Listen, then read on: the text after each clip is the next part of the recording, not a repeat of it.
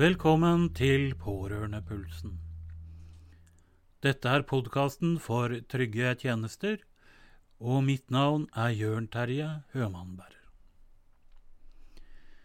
For de som ikke kjenner meg fra før, så har jeg vært pårørende til min mor, som var syk i mange år før hun døde. Jeg har også en bakgrunn innen helsefag og sykepleie, og har en autorisasjon som helsepersonell. Hvis du vil høre min historie, så har vi lagt en link til det i blogginnlegget vårt. La oss i dag snakke om noe som kan løfte humøret ditt i hverdagen din. For nå vil vi ønske ordet hverdagsglede velkommen. Og hva er nå det, tenker du kanskje? Det er rett og slett små glimt av glede som kan lyse opp dagen din. Små øyeblikk som hjelper deg å få hodet over vannet, så du kan puste litt lettere.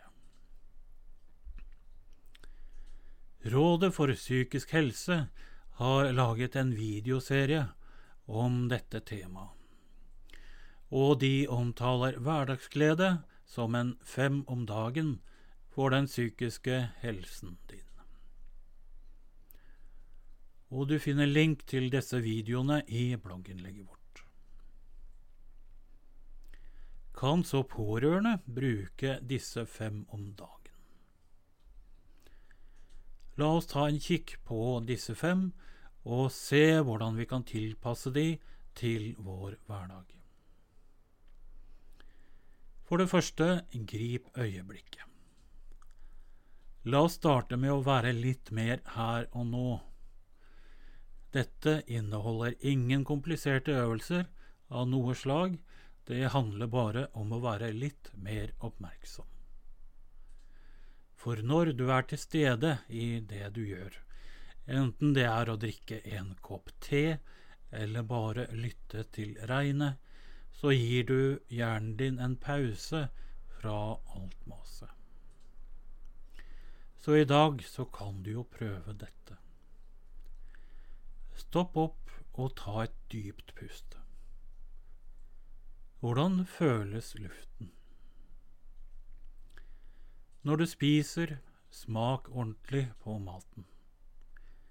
Hva er det beste ved dette måltidet?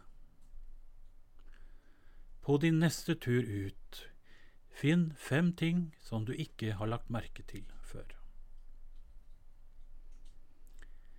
For det andre, vi har jo dette med å få beveget seg, som du sikkert har hørt tusen ganger før. Men bevegelse er gull for psyken vår, og jeg har merket det selv. Og her snakker vi ikke om treningsstudio og lange joggeturer, men noen enkle måter å få en litt ekstra aktivitet i hverdagen. Du kan jo parkere litt lenger fra inngangen til butikken, så du får gått litt. Du kan undersøke om du kan gå av bussen et stopp tidligere, så du får en liten rusletur. Noe jeg gjorde, var å støvsuge og vaske oftere enn vanlig. Eh, det var vel for å få bevegelse, samtidig som jeg følte at jeg gjorde noe nyttig.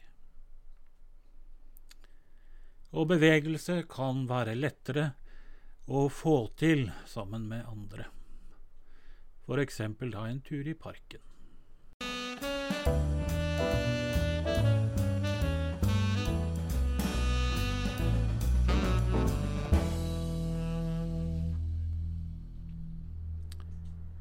For det tredje å være en evig student. Som pårørende bruker jo mange av oss allerede en del tid på undersøkelser som har med den syke å gjøre. Men om vi får det til, vil det å være å lære noe nytt for vår egen del gi et velfortjent avbrekk for tankene som kverner. Det kan være å starte på den strikkeoppskriften du har utsatt. Det kan være å laste ned en app for å lære noen setninger på et nytt språk. Du kan jo begynne med et gjør det selv-prosjekt hjemme.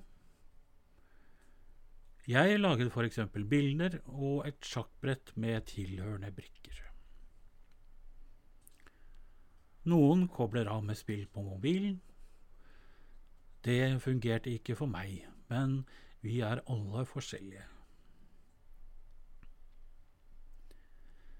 For det fjerde å koble opp med hjerte og sjel. Ekte forbindelser med andre mennesker, det er som balsam for sjelen.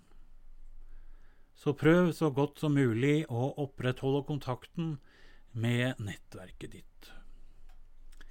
At du setter av tid til egenomsorg, slik som en konsert eller kafébesøk, kommer både deg og den som er syk, til gode. Rett og slett fordi du får overskudd, og så har dere noe å snakke om etterpå. For det femte, gi fordi du kan. Og dette er jo velkjent for deg. Du gir mye som pårørende. Men her snakker vi også om å gi til deg selv. Gi deg selv en pustepause eller en kaffe med en venn eller kollega. Det er gjerne de små avbrekk i hverdagen som teller. Og så har vi Arnulf Øverland som skriver i sitt kjente dikt En hustavle. Det er en lykke i livet som ikke kan vendes til lede.